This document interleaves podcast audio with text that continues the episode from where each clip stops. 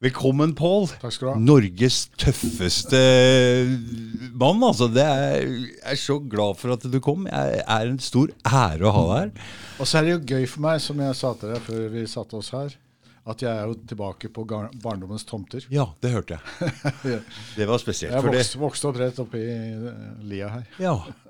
Spilt klassekamper her og Ja, ja, Det var der jeg lærte å kjenne begrepet klassekamp. Ja. Det var det der, ja. inntil foreldra mine forklarte meg at det var noe annet enn fotballkamper mellom 4A og 4B. ja. Så dere drev nedpå her i fjerde klasse, ja? Ja, ja, ja. Men hvor gammel var du, sa igjen? Altså, jeg, jeg er jo født her oppe i 49, og så flytta jeg herfra i, eh, i 60, men ikke lenger enn til Høynal. Så jeg liksom holdt til i Holdt til i området her, ja. Fint område? Ja, spennende. Ja, fint område. Ja, Da har vi allerede fått med litt. Det, I dag har vi gjort noe spesielt. For det, eh, vanligvis så sitter vi oppe og chatter og prater i halvtime, tre kvarter time før vi begynner å prate. Men nå hopper vi rett ned og tar alt her. Alt på sparket. Og eh, nå har vi allerede fått vite hvor du er oppvokst, hen, hvor gammel du er og alt mulig. Ja, ja. Og det er jo spennende som bare det. Men du har jo en eh, historie med noe greier, eh, Pål. Du var jo var du kommunist, eller hva? Jeg har ikke fulgt med. Hva var dette her? Du skjønner, jeg er fortsatt kommunist. Jeg mener noe annet med det i dag enn jeg gjorde den gangen. Men Ja, jeg, jeg, jeg, er det, da. Ja. um, og jeg er nok arvelig belasta. Ja. Jeg trodde at jeg gjorde opprør mot foreldrene mine, men det gjorde jeg nok ikke. Nei. For da jeg ble eldre, så skjønte jeg jo at de hadde jo vært kommunister, de også. Men hva Eh, betyr egentlig kommunist? For ja, jeg for, for, altså, meg, for meg, skjønner du, så betyr kommunist at uh, produsentene, arbeiderklassen, frigjør seg sjøl og tar kontroll over produktivkreftene. Og blir det Marx kaller hele mennesker. Al altså Arbeideren som bare er lønnsslave, er ikke fullverdig menneske fordi han, hun ikke kontrollerer eh, det de produserer, men tvert imot selger arbeidskrafta si til dem som eier produksjonsmidlene. Og sånn er det jo ennå. Sånn er det ennå, og mens derimot gjennom å erobre produksjonsmidlene, så får arbeiderklassen også muligheten til å slutte å være arbeiderklasse. Og bli det Marx også kaller hele mennesker. Altså få et, et rikere liv, eh, som Marx skriver i en av sine skrifter. ikke sant, Være arbeider om formiddagen, eh, bonde om ettermiddagen og kri kritiker om kvelden, all, uten noen gang å bli noen av delene. Og, og jeg lever litt sånn i dag. Altså Ja. Jeg er eh, liksom eh, skribent om morgenen, og så er jeg kokk på midt på dagen, og så er gartner om ettermiddagen. Men du, er ikke det rart? For det satt jeg akkurat og prata om her. eh, Jeg tenkte litt på det. for det når pappa kjøpte denne leiligheten her, da holdt det med én lønning. Én lønning var sufficient. Vi var tre unger. Det var, det var ok. Eh, Etter, så jobber jeg nå ute på Rema. De har jo automatisert alt mulig der ute. Og vi har effektivisert, automatisert. Men likevel så må det være to personer som jobber for en, for en familie nå. Det skulle jo vært omvendt. Det skulle jo vært en halv en. Hvor går alle de penga? Hvor går all den la oss kalle det energien? da? For det, arbeid er jo altså, arbeidskraft er jo energi. Det har skjedd, altså, det har skjedd en enorm eh, monopolisering siden eh, vi var unge, for å si det sånn. Eh, og du ser både det at arbeidskrafta har mista sin verdi eh, voldsomt, eh, og det at det er eiendommen er blitt konsentrert veldig mye mer. Du kan si det skjedde et skifte sånn rundt 1968-1970. Eh, hvis vi tar tall fra USA, som er ganske godt overførbare til Norge, så ser vi hvordan eh, den rikeste 0,1 de lå på topp rundt 1900, eh, med, altså med Rockefeller og uh, Standard Oil og alt dette her. De hadde ekstrem eiendom. Og så gikk deres andel av uh, nasjonalformuen den gikk nedover, og nådde en bånd sånn rundt 1968-1970 eh, da dollar, dollarkrakket kom. Og så fra da, fra ca. 1970, så har deres andel av nasjonalformuen bare gått rett til værs. Og i dag har de like sto, eh, stor andel av eh, nasjonalformuen som de hadde i 1900. Altså vi er tilbake i at du kan si den kapitalistiske steinalderen, Mm. hvor det var eh, disse du kan si, finansadelen som Mm. kontrollerte alt, mens arbeidsfolk ikke hadde noen ting. De er tilbake dit. Og nå er, jo, er det jo så globalt også. ja, ja. Så nå har de jo fingra inn overalt. Det er veldig globalt, og det var faktisk veldig globalt eh, rundt 1900. Eh, sånn som eh, Rockefeller, Standard Oil, de kontrollerte jo nesten all oljeproduksjon i verden. Eh, og de holdt på nede i Baku, der var jo Nobel, ikke sant, hvor han bygde opp sin formue. Hvor er, hvor er Baku? Baku er i Aserbajdsjan ved eh, Kaspihavet. Og eh, mesteparten av verdens olje den gangen ble produsert der nede. Det skapte noen enorme formuer. Og eh, de, at det var så høy grad av monopolisering at til og med amerikansk høyesterett måtte vedta å oppløse, eller dele opp Standard Oil i sju selskaper, de sju søstre, for at uh, ifølge amerikansk lov så skal du ikke kunne være så monopolisert. da. Og nå er vi jo tilbake der. altså Teknokapitalen, uh, Facebook, eh, Google osv., uh, Amazon, de har en kontroll over verdens kapital i dag, eller iallfall Vestens kapital, som ligner det finansfyrstene den gangen hadde. Altså Rothschild, eh, Rockefeller, disse. Og eh, det har jo også i dag Men er det samme folka?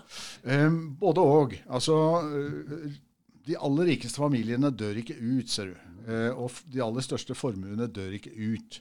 Eh, men det skjer litt nyrekruttering. Det gjør det jo. Men jeg leste en morsom undersøkelse fra Firenze. Fordi kapitalismen, moderne kapitalismen starta på mange måter i Italia. Bystaten i Italia. Venezia, Firenze, Siena, Genova. ikke sant? Og da gjorde man en sosiologisk undersøkelse sånn etter 2010 en gang i, Italia. Og Da fant man ut at de 400 mektigste eh, familiene i Firenze i dag, det var de samme familiene i 1400. Ja. Sånn, det, det er sånn. De holder sammen, dette? Eller? Ja, ja, så parer de med seg, med hverandre. eh, Ja, parer seg med hverandre. Ikke sant? Sånn Ja. at de, de holder innafor klassen, på en måte. Ja. Eh, og, eh, sånn var har det jo vært med norsk Men du, liksom her i Norge så har vi liksom ikke hatt noe klassegreier og sånn. Alle er like, og kongen sitter på Holmenkollbanen og Men Ja. ha, altså, det er ikke sant, er det det? Nei, Hvordan altså, er det her? Kong, altså, ja, altså mm, Fordi Jeg føler at norsk historie er litt sånn eh, Litt diffus med noe Når det sitter dansk adelfamilie og eier all skauen i Norge altså, hva altså Det der syns jeg er er Nei, noe men rare det- greier her. Det, det er morsomt fordi eh, du kan si Norge falt litt utafor. Vi var jo en type fjellaper, som danskene sier. Eh, og etter, etter svartedauden eh, så forsvant jo veldig store deler av den norske overklassen. Eh, de døde ut, simpelthen. Ja. Eh, Og når var den? Eh, 1349. Eh, altså hvis du, hvis du snakker århundre før, 1250, altså med eh, Håkon Håkonsson og Norgesveldet og sånt noe, så var jo Norge en stormakt. Eh, så det som skjedde på 100 år, det var at Norge gikk fra å være en av de virkelige stormaktene i Europa til å, å, å, falle ned og, og, og bli eh, ødelagt av, av svartedauden. Og For vi har en bra lokasjon, ikke sant? Fisk og masse naturressurser og Ja, ja, ja, jernmalm og så vi, vi, Vi, handla med fønikerne for 3000 år siden, så, sånn at eh, den er grei. Men uh, det var simpelthen ikke folk igjen. Uh, det var de store deler av Norge som ble avfolka. Og eh, du kan si de utdanna folka, eh, prestene, adelen, de døde ut eller stakk av. Eh, sånn at eh, hvis du går tilbake og prøver å finne slektshistorie bakover, så kommer du til et eller annet sted rundt 1500. Og så bakover der så finner du ikke kirkebøker. For det var ikke noen til å føre kirkebøkene. Eh, Så det var en 150 år hvor, hvor Norge var virkelig der nede. Eh, Og dette gjorde også Åpna for en form for eh, Hva skal du si eh, Sånn fjellbondesjølstendighet. Man var riktignok fattig, men man var sjølstendig. Eh, Marx har en morsom kommentar om det, eh, for han, eh, han var en stor tilhenger av Ibsen. Eh, og lærte seg en del norsk for å kunne Eller hva skal jeg kalle det? Norsk-dansk for å kunne oh, ja. le, lese Ibsen. Og da sa han hvordan kunne det ha seg at et så lite folk kunne bringe fram et så stort litterært geni som, som Ibsen? Og så sa han det må ha med det å gjøre at den norske småborgeren er sønn eller datter, da, sønn sa han vel, eh, av en fri mann, altså en fri bonde. Mens den tyske småborgeren er sønn av en leilending. Altså at den tyske småborgeren har leilendingssjel i hodet. Mens den eh, norske småborgeren har fjellbondesjel i hodet. Det var veldig fint sagt, for jeg har jo egentlig tenkt omvendt. Jeg, med at vi har vært under både Sverige og Danmark, og hvordan vi oppfører oss nå. og Jeg føler liksom at ja, vi er så veldig Nei, men det fantes en sånn Det fantes en sånn ånd da? En, mm. ja, men den har mm. eksistert. Og, og, du kan si jeg vil Men si, nå er det bare du igjen som har den, Pål?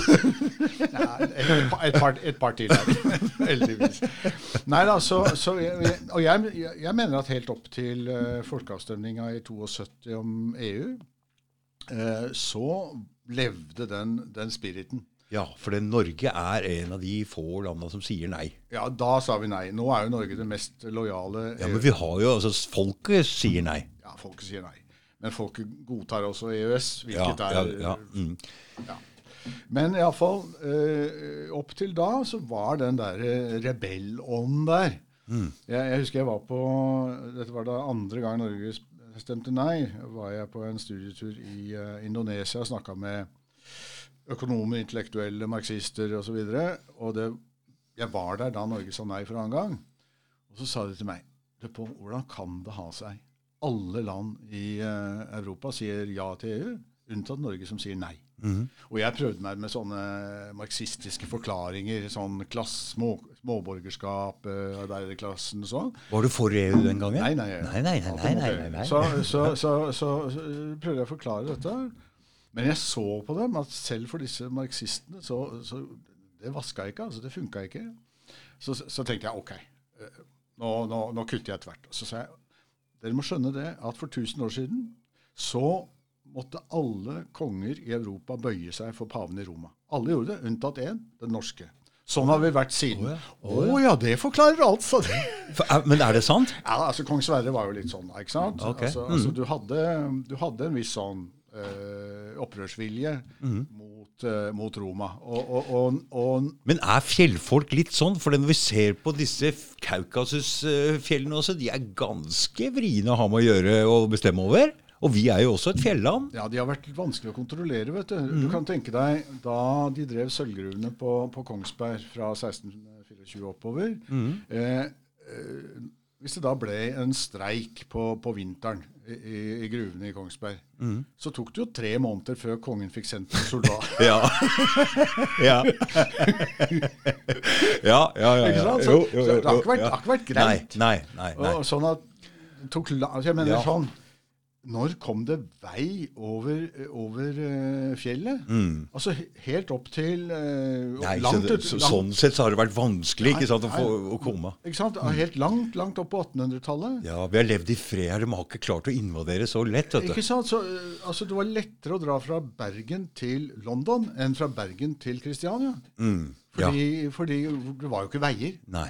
Eh, veien var sjøen. Ja, for du og, ser jo alle byene ligger langs og, og sjøfolk, sjøen. Og sjøfolka var også frie sjeler. ikke sant? Ja. De dro over hele verden. Mm. F.eks. En, en forfar av meg han dro til um, han, var, han, var, sjømann og gullgraver og eventyrer. Så han dro og ble med i uh, gullrushet i California. Og der, uh, Han var gift hjemme, da, men han ble sammen med en kinesisk dame. Og hun ble min formor. Oh, ja. Så jeg er sånn, baki der så jeg er litt kinesisk. Å oh, ja! og, og, du har jo vært du, altså du, For jeg har jo lest, eller jeg har hørt det Du var jo nede, var jo ikke vært nede og hilst på noen kinesere? Hæ? Altså, Da jeg var i, i, Kina Du har vært i Kina, ikke sant? Jeg var i Kina, ja, ja, jeg har vært i Kina mange ganger, men jeg var i Kina i 1970 under nasjonaldagen. Og det var Mao jeg vil understreke det, det var Mao som ba om å få snakke med meg. Jeg sa, jeg, sa, jeg sa ja. ja. og dagen etter, dagen etter så sto det i Folkets Dagblad I går på nasjonaldagen så møtte Mao Zedong eh, prins Sihanouk og hans uh, kone. Hadde en hyggelig samtale med dem. Dessuten, Deretter så møtte han en delegasjon fra Sosialistisk Ungdomsforbund i Norge, ledet av kamerat Pål Steigan. og hadde en hyggelig samtale med dem. Deretter så møtte han representanter for Albania, Vietnam, Korea Så på en måte da, så er jeg like heldig som Mao, på en måte. Ikke sant? Ikke sant? Ja, men, jeg fikk jo på en måte audiens Eller jeg fikk jo det hit, jeg òg. Ja, Ove sa 'nå hvor du har fått Pål Steigan litt'. Nå! Det var altså det, Ja, men det, det, er, det, er, jeg enig i. Altså, du, er, du er Norges viktigste, tøffeste stemme. Takk for det. Fordi det koster litt grann, eller er du bare jeg, jeg, hører på stemmen din. For en stemme du har, eh, du, Pål. Du, du, spør om det koster Altså Antagelig har det vel en eller annen pris. Men du skjønner, jeg tok mitt valg for over et halvt hundre år siden. Ja. Sånn at det er ikke så, det er ikke, det er ikke så krevende. Eh, og på en måte blei jeg vel indoktrinert av mutter'n. Hun satt jo og leste eh, altså Hun leste fra Ibsen og sånn for meg. ikke sant? Hun leste om doktor Stockmann. Ja. Og det der å, å, å, tørre å gjøre opprør. ikke sant? En ja. folkefiende og sånt noe. Ja, men du, du, En folkefiende for det du sa. Du har gitt ut en bok òg, det? Ja, ja. Da, da kalte jeg den en folkefiende. Naturligvis. Ikke sant? Ja. ja nei, så, sånn at uh, Foreldrene mine var jo uavhengige kommunister og var med i motstandsbevegelsen fra starten av, faktisk. Den gang, altså den, Så tidlig i krigen at nesten ingen andre var det. Men du, det der har jeg lurt litt på, fordi der er det noe muffens. Etter krigen så blei vel de kommunistene som var den ekte motstandsfolka, blei ble skvisa bort. Ja, ja. Ikke sant? Der er det lureri. Det kom det inn noen andre, han Jens Christian Hauge og sånn, som For det leste jeg litt i en bok her, og han, lata som han Men han bodde jo sammen med altså Hvis han var levd i skjul Han var, bodde sammen med en dame som var gift med en tysk offiser. Altså, og, og, og, ungen dem, så, så veldig i skjul kan ikke han ha levd. Så altså, Nei, altså, det var, det var jo tøft. Og du kan si eh, Altså, fatter'n og mutter'n Fatter'n og mutter'n kjente hverandre ikke da krigen starta. De ble kjent uh, under krigen oh, ja. i motstandsbevegelsen. Oh, eh, det er ikke og, rart du Og, eh, og eh, fatter'n tilhørte den intellektuelle delen av AUF, som da nærmest var kommunistisk. Ja. Altså da, da, Sovjetunionen fylte 20 år, så lagde fattern et teaterstykke som de førte opp på Østensjø her borte. Ja. Eh, hyllest til eh, bolsjevikrevolusjonen. Ja. Eh, så han tilhørte, tilhørte den delen av Arbeiderpartiet. Og hans eh, bestekamerat, det var Asbjørn Sunde. Asbjørn drev et arbeideridrettslag i Horten, tror jeg det var.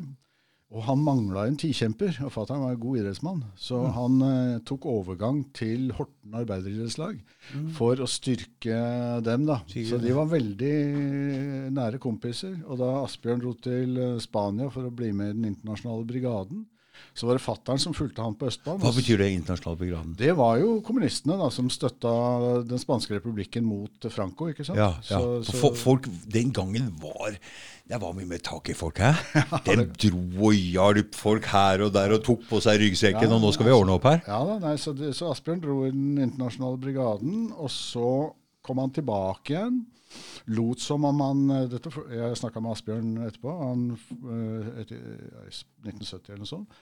Og han fortalte at han, da han kom tilbake til Norge, så lot han som om han var, hadde forlatt kommunismen og var upolitisk. Hvorfor? Hvorfor? For klimaet hadde snudd? Han visste at krigen kom. Han visste at krigen kom. Han visste at krigen så han ville gå undercover? Han, han, gikk under, han, ja, han, han jobba jo med, sammen med Sovjetunionen, ikke sant? Ja. Eh, Volver-gruppa. Hvilket årstall var det? Eh, altså, han kom tilbake. Det må jo ha vært etter uh, republikkens nederlag, naturligvis. I, uh, er vi da i 36? Visste han at krigen kom ja, hit da? Ja, ja. Mm. ja, Nei, så det Derfor gikk han under bakken på en måte politisk og forberedte seg til å Uh, og, og, og, begynne undergrunnsarbeid. Men du Pål, for en tid å leve når man har noe å tro på og virkelig noe å kjempe for.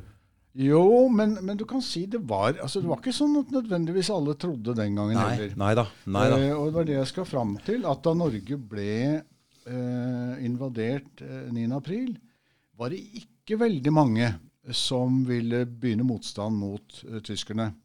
Eh, fordi du må huske på det at eh, tyskerne vant jo da på alle fronter. Ja. Eh, det var ikke, altså, Sovjetunionen hadde klart å holde Tyskland ute ved en sånn ikke-angrepspakt. Eh, vestmaktene førte jo ikke egentlig noen ordentlig krig mot, uh, mot Hitler. Uh, det, var veldig, det, var veldig, slapt. Sånn at Hitler vant på alle fronter. Uh, USA hadde ennå ikke gått med i krigen. Og det fantes Og Der var det jo tvil, ikke sant? Ja, det var, var motstand mot det. Mm, Eh, sånn at det så jo ut til at Hitler ville lykkes. Mm. Og mange folk bøyde nakken og, og holdt seg i ro. Det var ikke sterk, eh, noe sterkt ønske om, eh, om, motstand. Der hvor det oppsto motstand, så fant det dels i det probritiske borgerskapet, naturligvis, dels blant radikale intellektuelle, og dels i arbeiderklassen. Og eh, fattern tilhørte et miljø av eh, intellektuelle kommunister på, på Blindern. Han, på, på, han studerte på Fysisk institutt. Eh, og der fantes det også en mann ved navn Otto Øgrim, som ble faren til Trond Øgrim. Eh, og de tilhørte da et miljø som begynte sånn i det små å forberede en motstandsbevegelse.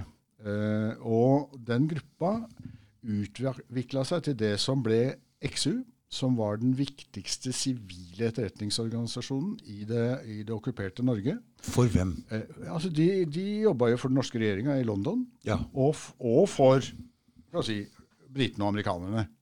Eh, ikke for Sovjet? Nei, de jobba ikke for Sovjet. De jobba for, for ja. mm. uh, Men fikk de den, den kreden de skulle ha? XU fikk det, ja. Absolutt. XU fikk det. Absolutt. Mm, mm. Eller vil si, det som skjedde da, var jo at uh, altså XU var ultraprofesjonelle. Og de utvikla f.eks. Eh, mikrofotografering til et eh, veldig høyt nivå. Eh, og drev og smugla eh, mikrofilmer eh, via Stockholmstoget, for det gikk jo av og til. Eh, og hadde måter å gjøre det på inni fyrstikker og alt mulig rart. Drev vi smugla film. Eh, og så mange år etter at mutter'n døde Jeg visste at hun var aktiv under krigen, men jeg visste ikke akkurat hvem hun jobba for. Visste du ikke det seinere? Ikke, ikke, ikke, akkurat. Hvem, at hun jobba for motstandsbevegelsen, visste jeg. Men da Otto Øgrim var langt over 90, så ble han intervjua. Han hadde holdt alt hemmelig fram til da. Og da hadde mutter'n vært død for lengst. Eh, og så sa han det at eh, hun Bibi Steigan hun jobba så effektivt med å fjerne identiteter i folkeregisteret for folk som skulle gå under jorda eller rømme, dra til Sverige. At en del folk fikk problemer etter krigen med å bevise at de eksisterte. Ja, ja. For det, det, jeg visste at mutter'n hadde gjort, mm. det var at hun jobba i folkeregisteret da. Og når hun fikk beskjed fra sin uh, kontakt om at uh, en eller annen skulle fjernes fra registeret, så gikk hun inn i arkivet, plukka ut papirene, putta dem i trusa, gikk på do, reiv dem i stykker og spylte dem ned. Den gangen var det jo lett å ødelegge et arkivkort. Da. Mhm, mhm, det er ikke så lett i dag. Eh, sånn at hun bidro jo til at eh, folk kunne stikke av på den måten. Mm. Så hun hjalp nok mange til å flykte fra, mm. fra, nazismen. Men jeg visste ikke at hun jobba for XU. Det, og hun fikk, hun fikk aldri noen kred for det. Nei. For hun var arbeiderklassekommunist, og dem hadde man ikke bruk for. Etter Kråkerøy-talen til Gerhardsen i 48 så hadde man ikke bruk for dem. Da var det over og ut. Da ble kommunistene stempla som landsforrædere. Hvilket årstall var det? 48. Da la man grunnlaget for Nato. Og eh, da skulle alt som hadde med kommunisme å gjøre, altså i Sjømannsforbundet og i fagbevegelsen ellers osv., skulle ut. Arbeiderpartiet skulle ta over. Og det var en virkelig brutal periode. Og del, og der kasta de og gjort en jævlig rydding i Arbeiderpartiet. For jeg har jo lest litt i boka til Treholt, og de driver veldig med sånn uh, altså Spionering og overvåking av de folka der også? Altså, eh, Arbeiderpartiet hadde jo sitt eget etterretningsvesen. Altså, De hadde jo et hemmelig, ja. hemmelig arkiv i, uh, i LO-bygget ja. hvor de samla uh, opplysninger om uh, kommunister eller kryptokommunister eller uh, kommunistsympatisører og alt mulig, som skulle holdes ute av fagbevegelsen. Da. Og de drev til og med romavlytting i uh, Folkets hus. Så uh, de ansvarlige for det er jo aldri blitt straffa, men det de gjorde, var jo fullstendig i strid med norsk lov. Ja. Men du, det derre få se mappa mi-greiene, ja, ja. det husker jeg noe om. Ja, du hadde vel mappe? Ja, ja, da, ja, du hadde mappe? Ja, ja, jeg hadde mappe. Og det var, det var, jævlig interessant fordi Fikk du se den? Ja da, jeg fikk uh, mappa mi, og den var, den var veldig tynn, for å si det sånn. Uh, men det kom av at de hadde fått kjennelse for at en del av den overvåkinga de drev med mot noen av oss, den var lovlig. Så det skulle holdes utenfor. Det var den ulovlige overvåkinga. Oh, ja. mm. Sånn at uh, det, var veldig... det var mappa, den hemmelige mappa?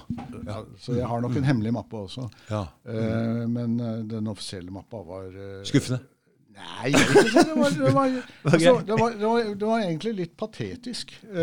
og hva de hadde tatt med av opplysninger, var liksom sånn litt latterlig. Lokale politisjefer som sendte inn irrelevante rapporter eh, som flinke skolegutter som skulle gjøre det de var blitt bedt om. Det var liksom eh, man, man, blir litt skuffet på borgerskapets vegne over at de men, men du, så, så, så, med den bakgrunnen, med de foreldra, så er det egentlig naturlig, naturlig utvikling, det du driver med? Det er de andre som står igjen, og ikke har noen jeg, jeg, sant? Jeg er arvelig belasta, kan du si. Ikke sant? For nå, du, du, så du går jo mot makta ennå. Ja, ja. Men, men, hva har skjedd med de andre som eh, kaller seg kommunister nå? De, de, de, de, Du vet, enhver en får jo feie for sin egen dør. Ja. Eh, jeg er bare ansvarlig for det jeg sier og gjør. Ja. Uh, men jeg tenker, jeg, du vet, ja. jeg har ikke ordentlig oversikt over alt det her. Ikke har jeg den bakgrunnen for å forstå egentlig det mellom kommunismer og hva som skjedde der. Jeg har ikke satt meg så jævlig godt inn i det. Jeg tenkte kanskje bare du, men du vil kanskje ikke si noe dårlig om andre folk, eller sånn? Altså, Nei, det vil jeg egentlig ikke. Men, men, du kan si det som har skjedd, og det kan du si veldig generelt, mm. det er at etter Sovjetunionens sammenbrudd, merkelig nok, eh, så eh, Du kan si falt troen sammen for venstresida. Ja. Eh, ikke bare de som hadde vært pro-Sovjet, men også en god del av venstresida som hadde vært anti-Sovjet, altså du kan si min fløy, da. Ja. De, med Sovjetunionens sammenbrudd så brøt troen på sosialismen, kommunismen, sammen. Og, og, i stedet så kom det en sånn markedsliberalisme altså Ikke det at disse folk gikk over til thatcherismen og sånn, men, men de ble demoralisert. Ja. Eh, og de, de turte ikke lenger å stå for noe. Nei. Eh, ikke sant? Altså for det blir brukt imot deg på en måte, det at han var sånn og var der og besøkte Mao og trodde på det og sånn. På en måte blir det brukt. altså Det, det er liksom min oppfatning. Det er klart det blir brukt mot meg. Det er, ja. det er helt greit. Ja. Det er helt greit. Um, og uh, altså Kinesisk revolusjon uh, er opplagt den største revolusjonen i verdenshistorien. Mm. Uh, man kan si hva man vil om det kinesiske kommunistpartiets uh, politikk før og nå, men det er ingen tvil om at det landet har løfta flere hundre millioner mennesker ut av fattigdommen. Det er ikke tvil om det. Det er ikke altså, tvil om det. Og dette har skjedd i min levetid. Og vi kan ikke gjøre det på den norske måten overalt i verden. Det passer bare ikke. Eh, altså, Jeg syns det, det, er vanskelig å, å, å, komme fram til et godt forslag hvordan man skal styre fem millioner mennesker bedre. Kanskje jeg har noen gode forslag, kanskje jeg har noen dårlige forslag. Men hvordan man skal styre 1,4 milliarder mennesker bedre, mm, mm. Det, det, er litt over min det litt, evne. Det er klart det. For det, må, det er helt andre altså. At du, altså, du kan ikke styre 1,4 milliarder mennesker sånn som Norge styres. Altså Norge styres jo helt, helt elendig. Mm. Overført på Kina ville det vært eh, katastrofe. Ja, ja, det er ikke, for det er, noe, er noe, det er, ikke noe, styring på skuta her i det hele tatt. Ikke sant? Ikke sant? Nei, altså, sånn at, uh, sånn at uh, Du, Pål, kan ja. jeg løpe og hente snus, eller er det første gang jeg ikke har hatt det? For all del. For all del.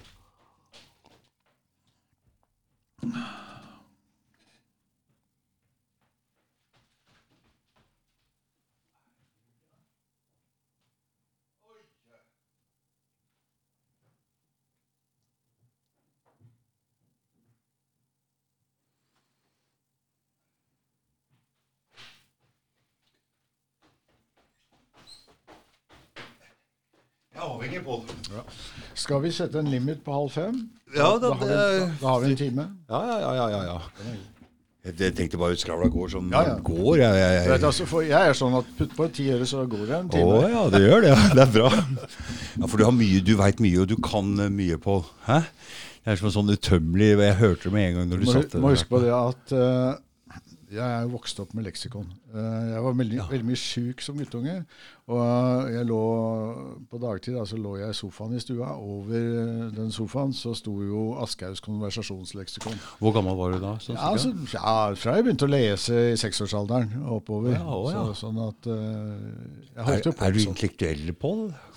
Ja, jeg er vel en slags intellektuell, sjøl om eh, jeg, jeg kanskje ikke kvalifiserer helt. Men jeg har Hva holdt på. betyr egentlig intellektuell? Er det, må du ha gått veldig mye på skole for å kunne kalle deg det? I så eller? fall er ikke jeg det. Eh, For jeg, er, eh, jeg, har, jeg, kaller meg jack of all trades, master of none. Ja. Du kan si jeg kan litt om alt. Jeg elsket å lese leksikon, naturligvis. Men du, når du var nede i Kina, hvor gammel var du da? Eh, 21. Første gang. Å, det er eh, ung og Ung og full av eh, å tro på noe. Ja, ja. Og det er viktig å ha den kraften eller den troen på at Ja, altså, altså du trenger eh, Ja, kall det gjerne tro. Du trenger en, eh, eh, en tro på det du står for. Du trenger en motivasjon. Du trenger en åndelig kraft. Eh, Samtidig så er jo nettopp tro vært en av de eh, store ødeleggende kreftene i verdenshistorien. Ja, ja, Altså, så- religi- ja, men ja, altså, ja. Alt mulig. Ja, ja, ja. Eh, Sånn fanatismen er jo farlig i alle sammenhenger, enten den er høyre eller venstre eller eh, sentrum. Det er klart. Så, sånn at, eh, men uten en motivasjon, så er det jo bare en eh, brødødeleggende maskin. Altså Da er det jo bare en maskin som tar inn uh, Spiser bare brød? Ja. ja. brødødeleggende maskin. ja, for man må ha noe å brenne for. Noe. Jeg merka det sjøl når den koronaen her kom, at da, da hun som jeg var sammen med, da hun fikk høre litt det var sliten, Hun ble sliten. Det gikk liksom jeg, nå, nå, skal jeg ikke snakke mer om det, men Men, men, men, men, men, men så, så for meg har det vært liksom å vekte meg opp til noe, for jeg syns nå ja, jeg veit at du får mye kritikk. altså du, Jeg leser jo den vi som, eh, vi som vil redde Klassekampen, eller den gruppa der, ikke sant? Og der er jo en del Det er en veldig fin gruppe, forresten. Veldig spredte meninger og litt sånn over hele fjøla. Jeg syns det er eh, interessant å følge med der. Men um, noe av kritikken de har mot deg, det er at du ikke tror på den koronasituasjonen så veldig. Men du, alt det andre du skriver, er fint, syns de. Ok. eh, eh, jeg noterer meg dette her og foreslår overfor de menneskene at la oss sammenligne notater om en tre-fire års tid, så skal vi se. Ja. Mm. Eh, jeg mener at eh, hele denne narrativen har kollapset for lengst. Egentlig, ja. Eh, Den har det. Ja. Eh, og nå ser du de har problemer med å, å, selge inn hele denne vaksinegreia og sånn. Men, men jeg, jeg må jo si det at når, når eh, For det var lett å se for deg med en gang? det der. Eh, Ja, jeg så det egentlig før det kom. For jeg visste at det ville komme en, eh, en volds, brutal omlegging av verdensøkonomien. Ja. Eh, Dette kunne man ganske enkelt se ved å følge utviklinga av finanskapitalen ut gjennom det tiåret som kom etter finanskrisa. Eh, finanskrisa klarte ikke å løse de grunnleggende problemene i kapitalismen i det hele tatt. De, de pusha krisa foran seg ved å trykke penger. Eh, sånn at de bygde opp et jævla gjeldsberg. Men de klarte ikke å gjenreise profittraten, kan du si. De klarte ikke å gjenreise industriens profitabilitet. Sånn at det ble ikke interessant for finanskapitalen å investere produktivt. Det eneste som ga profitt, det var å flytte penger. Men eh, nå det siste ja, halve tiåret så har jo renta vært null. Nå så jeg at, nå så jeg at renta er minus 0,5. Hvordan kan den være det? På Ja, det, det- altså- fatter ikke det. Hva, hvordan kan altså, renta være minus? vet, altså, Hva betyr det? Hvis, altså hvis ikke eh, det å investere i produksjon er rentabelt, så investerer man ikke i produksjon. Og så prøver de da, for å få investering i produksjon, så trykker de penger og låner ut de pengene til kapitalen for å stimulere produksjon. Eh, men kapitalen vil ikke ha disse pengene. Ikke ha. Eh, og, og for de får ikke investert dem. Eller vi, de tar dem og så putter de dem i finans, og ikke i produksjon. Mm. Sånn at eh, kapitalismen har ekstrem, et ekstremt problem Mm. med å få i gang produktiv virksomhet. Og selv med eh, minus 0,5% rente, hvor altså lånet blir mindre og mindre hvert, etter hvert, så er, får de ikke avsetning for, for, for lånene sine. Det sier jo noe om hvor langt krisa er kommet. Sånn at det eneste som eh, finanskapitalen gjøre, kan gjøre for å øke sin makt og, og, og, og inntjening, det er å erobre realkapital. Altså Verdier, eh, Verdier. eiendom øh, Altså, si det sånn, norske fos fossefall Ja, og, ja, ja, sånn, og norsk Mhm. vindkraft og whatever. mm, For det er verdier. Det er verdier. Det, er- det, er- reelt. Og da betyr det at de kommer til å slå alt sammen så det går Så- så- konkurs, sånn at de kan komme inn og kjøpe dette billig? Jepp. Altså, det jeg venta meg, var et uh, gigantisk uh, finansran fra, fra de store investeringsselskapene og storbankene. Mm. Og det kom også, eh, men det kom i ly av en eh, såkalt pandemi. Mm. For da kunne de Hva er det de har gjort? De har eh, stort sett smadra middelklassen. Eh, Ja. Du kan si småprodusentene, familiebedriftene osv. Folk kjøper ikke, hos, eh, kjøper ikke brød hos bakeren, kjøper ikke kjøtt hos eh, slakteren, men de bestiller det via eh, nettet eller noe sånt. Eh, se på hvordan nå BlackRock og kompani kjøper opp norske festivaler og sånt nå. Altså, Kjøper opp norske festivaler? ja, ja. Det, det gjør de. Den, den der Tons of Rock er jo kjøpt opp osv. Men det, de, altså, de tar alt. Eh, og dette skjer i ly av denne, denne koronakrisa. For ved hjelp av koronakrisa så er det jo eh, Klassekampen er jo eh, forbudt. Det er forbudt å føre klassekamp. Du kan ikke gå ut og demonstrere. Altså, to år på rad er jo 1. mai vært forbudt. Mm. Altså, det, det er ikke lov å holde store fagforeningsmøter, det er ikke lov å holde store demonstrasjoner. Nei. Men så ideelt, da! Så sitter altså folk på hvert sitt hjemmekontor og har ikke engang nesten lov til å, å treffe hverandre. Og I mellomtida så driver disse folka og raner naturressursene og raner statsbudsjettene. Altså, denne her katastrofale økonomiske politikken til Erna Solberg tappa vel Norges Bank for 300 milliarder i fjor. Uh, Forklar litt om det. Jeg, jeg, jeg, Altså, altså, de, driver da en underskuddsbudsjettering. Altså, Hvordan skal du holde landet gående mm. når du stanser det? Du stanser all produksjon, du stanser all virksomhet. Men vi prater jo hele tida Vi har jo disse oljepengene. Vi de er så heldige som Oljepenger er brukt. Oljepenger er brukt. for, for, for sannheten er at vi ser dem jo aldri. Nei, nei, nei. De brukes som altså, De er investert ute i aksjemarkedet, og det er ikke lov å ta dem ut derfra igjen, eller? Ja, det er noe Stortinget har vedtatt, men, så det kan jo endres igjen. Men du kan si det vi ser nå, og særlig etter at Nicolai Tangen tok over som sjef for eh, oljefondet, så ser vi jo hvordan eh, oljefondet opererer i trespann med de, de største finansmonopolene i verden, altså sånn som eh, Vanguard, State Street og BlackRock. Der hvor de investerer, har vi også oljefondet. Okay. Og, og Det betyr at egentlig så fungerer oljefondet som en kassakreditt for de store monopolene. Eh, altså De har, får da oljefondet til disposisjon for å følge med seg rundt omkring i eh, oppkjøpene. Eh, Det er jo fordelaktig for dem. Det Klart det. Da har de, da har de norske arven, kan du si, til disposisjon. Det er jævla flott. Men for eh, den framtidige generasjonen da, som kommer inn eh, i, arbeidsmarkedet, og som er på vei inn nå, ja, hva blir deres pensjoner? Hva blir deres sjuketrygd? Hva blir deres lønnsvilkår? Hva blir deres eh, boligsituasjon? For, for vi ser jo hele tida at vi får Alt blir litt dyrere. Vi får litt mindre lønn. altså Det blir det kniper på alle kanter. Det, altså det, det, det, Sånn at, skjønner jeg. sånn at altså jeg mener denne, denne, denne koronakrisa er Jeg vil tro den største klassekampen i verdenshistorien. Hvor øh, finanskapitalen har vunnet seire som er helt gigantiske. Det er overført noe sånn som ah, 30 trillioner, amerikanske trillioner, norske billioner. Eh, altså 30 000 milliarder dollar eller noe sånt ligger i den størrelsesorden fra statsbankene til eh, vestlig finanskapital, type BlackRock. Men hvordan, hvordan, kom de pengene inn dit? Fordi det ble noen stimulipakker til folk og noe greier. Men alle penga ble investert i aksjer i Fes. Hva var det som skjedde? Altså, hvordan, hvordan? Statsbankene jo da, tok jo da opp svære lån. De trykte penger osv. Og, og, og disse pengene de bare ble uh, skyfla over i finansinstitusjonene.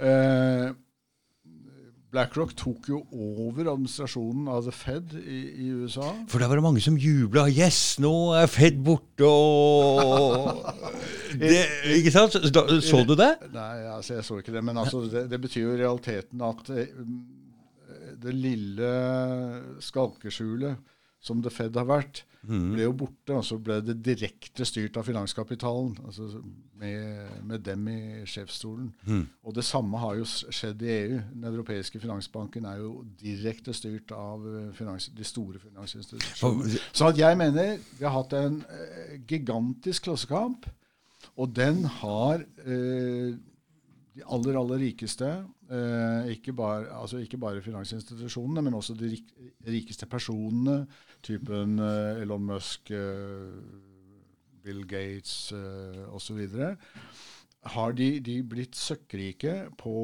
eh, på, dette. De er jo blitt eh, dobbelt så rike som de var fra før. Så fra deres side er jo dette en klassekrig med store seire. Mens fra arbeiderklassen og folkets side så er det en katastrofe. Og folk skjønner ikke ennå. De har tapt i Klassekampen. De har tapt. De har tapt i form av øh, arbeidsliv. De har tapt i sosialt liv. Eh, de har tapt i immunitet fordi de er, blir isolert. Eh, de har tapt i, i alt mulig personlig, og de har tapt økonomisk. Og de taper altså rettigheter. De har tapt, masse, masse. De, har, de ta, har tapt demokrati. Mm, ja. Og så foreløpig så sitter de Så ser, så ser ingen det? Så sitter de lojalt og tror at de er med på en dugnad. Gud hjelpe meg, det er jo dugnad. Mm. Det er jo ran på høylys dag.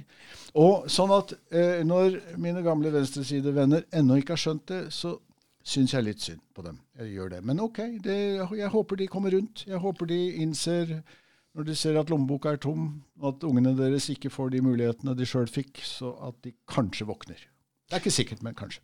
Pål, dette er den beste ordentlig sånn forkl runde forklaringa jeg har hørt på dette hittils. Altså, jeg, Altså, dataene ligger der. Ja, ja. Uh, altså, dette er, dette er uh, Og, og jeg, jeg, leser mye finanslitteratur, og den er ofte mye bedre. Finanstidsskrifter og sånn er ofte mye bedre enn vanlige aviser og tidsskrifter. Fordi du kan si finanstidsskriftene Riktignok er de borgerlige ideologiske og sånn, men de prøver jo å gi sine lesere, som er storkapitalister, råd om hvor de skal investere, og hvor de kan tjene mest penger. Mm. Sånn at de har ikke behov for å ljuge så mye som alle de andre. Nei, nei. Altså, da vil de tape i verdi for sine støttespillere. Mm. Så, så, når de sier at nå må du investere der, nå må du gjøre sånn, så bygger det på noe faktisk, ikke bare juks.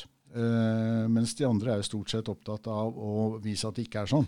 Uh, så, og, og, dessuten har det jo skjedd en også oppi dette her en voldsom monopolisering av pressa.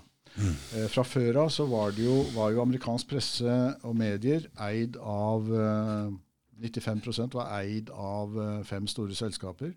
Og det har blitt enda mer monopolisert. I Norge er det også blitt det. Og bare i løpet av dette halvannet året så har jo eh, Wall Street kjøpt seg inn i Norges og Nordens største mediehus og gått økt sin eierandel fra 25% til 48% Sånn at Wall Street er nå ikke først og fremst kontrollert av uh, Tinius-stiftelsen, men først og fremst kontrollert av Wall Street, med finansinstitusjonen State Street i, i spissen. Eh, sånn at de tar jo alt. De kjøper opp alt. De kontrollerer alt. Og, og pressa eh, forteller ikke om dette, for det er jo deres egen presse.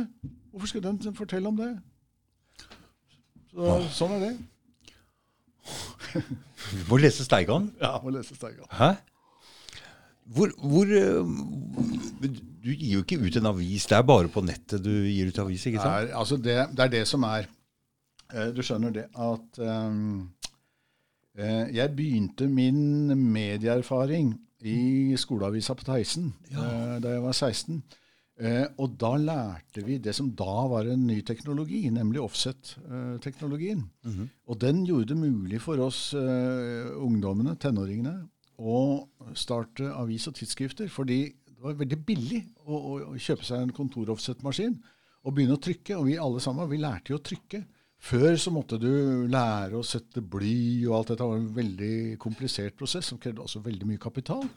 Men vi samla inn noe penger på skolen, vi, og så fikk vi i gang trykkeri.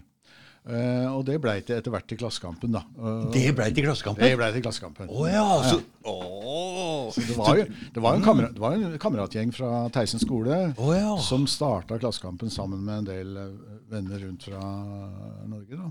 Ja. Og, så disse, du kjenner disse kjempegodt? Ja, ja, ja. ja. Altså, jeg, jeg, har vært med på alt dette. Du, for det, alle disse er ikke så glad i deg. Jeg var jo der nede på den ene demonstrasjonen hvor du holdt tale. Og rett bak meg der så sto det en veldig, veldig sint mann og, og, og ropte veldig stygge ting mot deg, Pål. Så jeg ble skikkelig forbanna på ham. Jeg bare måtte jage ham bort. Jeg, jeg, hørte det, men du vet Hva er det for noe? Når folk er sinte, så er det et uttrykk for at de ikke har helt tillit til det de står for. Ja. For hvis du, eh, hvis du har tillit til det du står for, så kan du jo smile og være fornøyd. Mm -hmm. eh, da kan du jo bare komme med argumentene. Mm. Men hvis du føler at uh, du ikke har helt kontroll over fortellinga, og du, ikke, du er litt pressa på logikken, så er det en menneskelig måte å reagere på. Det er med sinne og frustrasjon. For jeg har aldri hatt en sånn Nei. sint mann så nærme meg noen gang. Så jeg reagerte veldig veldig en, en hardt på det. En annen ting er at å oppføre seg ubehøvla på den måten og komme med skjellsord og sånn, er et, er et nederlag. Altså intellektuelt sett er det en konkurs. Mm. Sånn at uh, sånne ting gjør meg ikke så mye. Uh, jeg syns litt synd på de som holder på sånn, for det, viser jo da egentlig at de har tapt. Så det gjør meg veldig lite. Uh, jeg ble trua på med, med, bank av en fyr for mange år siden. han var opplagt i stand til å knuse meg fullstendig. og jeg, Det sa jeg til ham. Hør nå her. Alle veit at du kan knuse meg absolutt fullstendig. Du vinner ikke noe prestisje på det. Uh, men hvis du hadde slått meg i en debatt der, så hadde det vært noe. Mm -hmm. han, han, slo ikke, faktisk. Mm men jeg løfta ikke henda heller. Hadde jeg gjort det, så hadde han nok slått. Men ok, altså nei, du, Føler de på en måte at, for at Han føler seg som du hadde forrådt dem, eller hva, hva, er, den greia der? I, I, så fall fikk han jo komme med argumenter for det. Uh, mens uh, jeg holder meg til det jeg kan, nemlig analyse av fakta og utvikling av, av politisk forståelse ut fra fakta. Uh, jeg jobber vel mer med fakta og research enn noen annen norsk journalist. Mm, ja, det tror jeg òg. Uh, og der er det klart at min leksikonbakgrunn Jeg var leksikonredaktør i, i 15 år. du var leksikonredaktør, så når du lå ja, seksåring og hadde leksikon bak der, så, så, så var det med ja, jeg, jeg, lagde jo eh, Europas første eh, leksikon på CD-rom, og jeg lagde nettbasert leksikon fem år før Wikipedia. Du, jeg ble lurt til å kjøpe et sånt kjempesvært leksikon for 17 000, og så gikk det tre-fire år, og så var alt på nett. Jeg har det ennå, jeg har aldri brukt det. Altså, Jeg liker godt å ha, ha ting på papir. Um, For det hadde alle da? Det var liksom, nei, det var greia? Det skulle man ha. Det var en del av et mm. møblert hjem. Mm. Men uh, som sagt, jeg har jobba med å lage leksikon. Jobba mm. med grunnlagsstudier for å, uh, å, lage leksikon. Sånn at um, du kan si Kildekritikk og analyse er oh, ja. liksom noe som jeg har i, i riktig, blod, riktig. blodet. Så du var med å lage leksikon? Ja, ja. Mm. Uh, bygde opp uh, leksikondatabasen til uh, Cappelen. Mm. Og um, da regjeringa inviterte til å etablere noe som skulle bli den nasjonale kunnskapsbasen i Norge, så jobba jeg for Kunnskapsforlaget for å utvikle deres forslag til denne mm. denne basen. Sånn at dette er, dette er, mitt fag, kan du si. da. Mm. Den grad jeg har et fag. Mm. Så. Nei da, så, så, så, Og jeg syns det er gøy. Eh, og jeg prøver alltid å finne eh, kildene så djupt og dokumentert som mulig. Jeg, jeg, aldri, jeg siterer aldri en blogg som sier uh, CIA hevder eller CIA sier eller noe sånt noe, men jeg kan bruke den som et spor på vei til kilden. Mm. For da, da, prøver jeg å finne det CIA-dokumentet i CIAs egne arkiver som okay. det er snakker om. Mm. Og det er forferdelig mye mer interessant, for det viser seg som oftest Uh, CIA elsker å publisere for øvrig, så det er masse du kan finne der. Uh, det viser seg som oftest at det står mye mer interessant i disse dokumentene enn det den bloggen har fått med seg. Ja, for det er ikke så lett å få med seg alt? Nei, det er vanskelig. Det er svære mm. dokumenter. Men ofte finner jeg da perler gull ja. nedi disse her uh, dokumentene. Da. Og da har jeg hatt en god dag når jeg har funnet, funnet sånne ting. Mm. Og, og, og jeg, jeg, har ingen interesse av å, å, å spre fake news.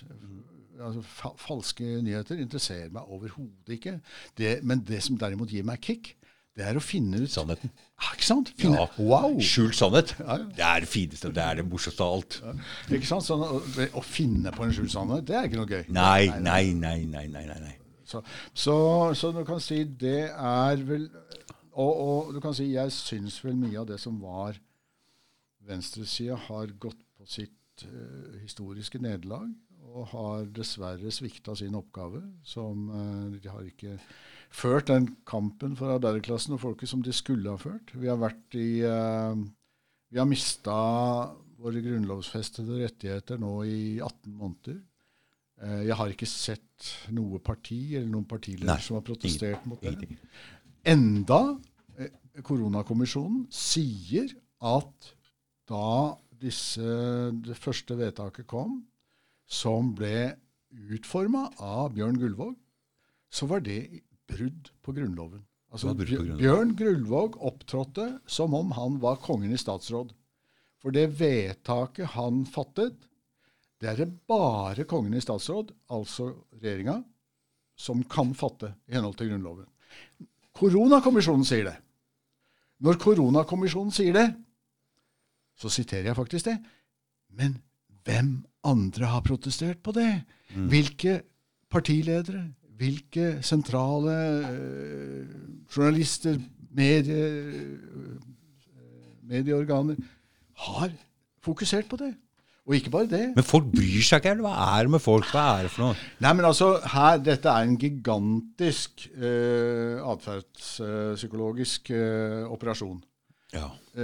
våre fiender her har utstyrt seg med For det er helt utrolig, den aggressive debatten. Og all tegn til å snakke om noen ting. Det var så på først der. Jeg husker når Margrethe begynte med dette. og Jeg begynte å skrive Jeg, jeg, jeg bare rygga unna fordi du mista alle venner. Folk var For en utrolig, utrolig psykologisk greie det der var. Ja, ja. Det var sånn i DDR også, skal jeg si det. Men OK. Eh, eh, Altså, De bruker en veldig avansert atferdspsykologi på folk. Og trykker på akkurat de punktene som de veit gjør at folk kneler. Eh, og ikke klarer å gjøre motstand. Eh, dette eh, Altså Hvis du leser deres egne dokumenter, så innrømmer de jo det.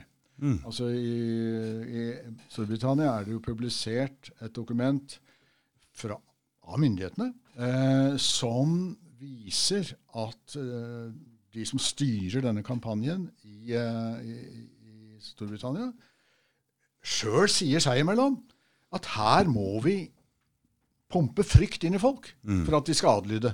Mm. Og da bruker vi de og de og de og de teknikkene. Mm. Rett ut av læreboka i atferdspsykologi. Mm. Altså, dette vet man. Ja. Og, og, hvis man har, er litt skolert, og hvis man vet lite grann, så ser man å ja, der kom den, der kom den, der kom den. Og hvem var det som tok jobben for WHO for å markedsføre hele denne her lockdown-politikken og vaksinepolitikken og sånn? Det var ingen andre enn Hill Nolton, altså verdens største PR-byrå. De som eh, i sin tid var leid inn av tobakkindustrien for å fortelle at eh, tobakk var ufarlig. De som var leid inn av oljeindustrien for å fortelle at uh, oljeutvinning var ikke noe farlig. De som var leid inn av, av, uh, av asbestindustrien for å fortelle at asbest er overhodet ikke noe farlig. Og de som var leid inn for å selge Irak-krigen til verdens befolkning. Mm. Alt dette, alt denne svindelen har de stått for. Og det har kosta hundretusenvis av mennesker livet. Mm. Det selskapet mm jobber for WHO for å pumpe denne narrativen inn i folk. Og jeg vil si de er dyktige. Ekstremt dyktige. Altså Goebbels ville vært, beundre, ville vært en beundrer. Men de, aldri, de klarer ikke å lure meg på en eller annen måte. Jeg har ikke lest så mye, men jeg skjønte den koronagreien og den Irak-krigen. Jeg trodde ikke noe på det i det hele tatt. Jeg satt der som en når den første Irak-krigen kom, med den der eh, Saddam Hussein på, i midtsida der som en av verdenshistoriens fem vondeste menn. Jeg tenkte hva faen er det her? Hva er dette for noe? Jeg begynte å snakke med taxisjåfører, og jeg begynte å se på Irak og Kuwait og jeg bare Herregud. Men, men eh, altså, jeg bor jo halve året i Italia, og jeg må jo si at det er eh, en lettelse å snakke med italienske arbeidsfolk framfor norske venstreintellektuelle Ja. når det gjelder dette her. Ja.